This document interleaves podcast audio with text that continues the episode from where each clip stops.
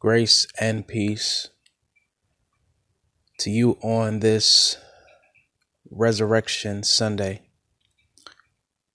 This is the day that is symbolic of Jesus getting out of the grave.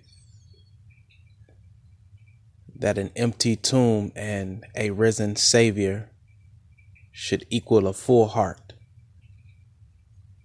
That when Jesus got out of the grave, it was the fulfillment of the promise in which was spoken of when he said, After three days, I will rise again.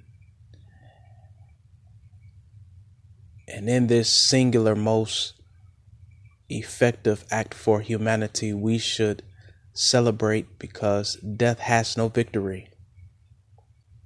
Death has lost his sting that you should be encouraged that Jesus has given you the power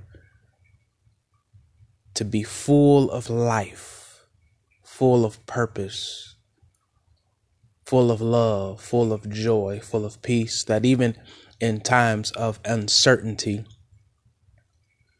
that we have a certain God who has the ability to answer prayers and hear our cries, that I petition that if you have not prayed, begin to pray. If you not worship, that you should worship. If you have not praised God, praise God.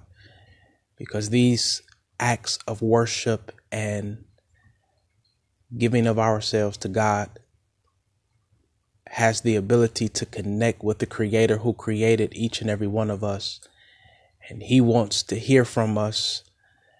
And He is moved by us that when God moves, things in your life begin to shift, people start to heal, purpose starts to be unveiled, doors start to open, you start to get promoted, and God begins to manifest that when you are in alignment with Him and you connect with Him, you are now on the same frequency with a God that can communicate with you.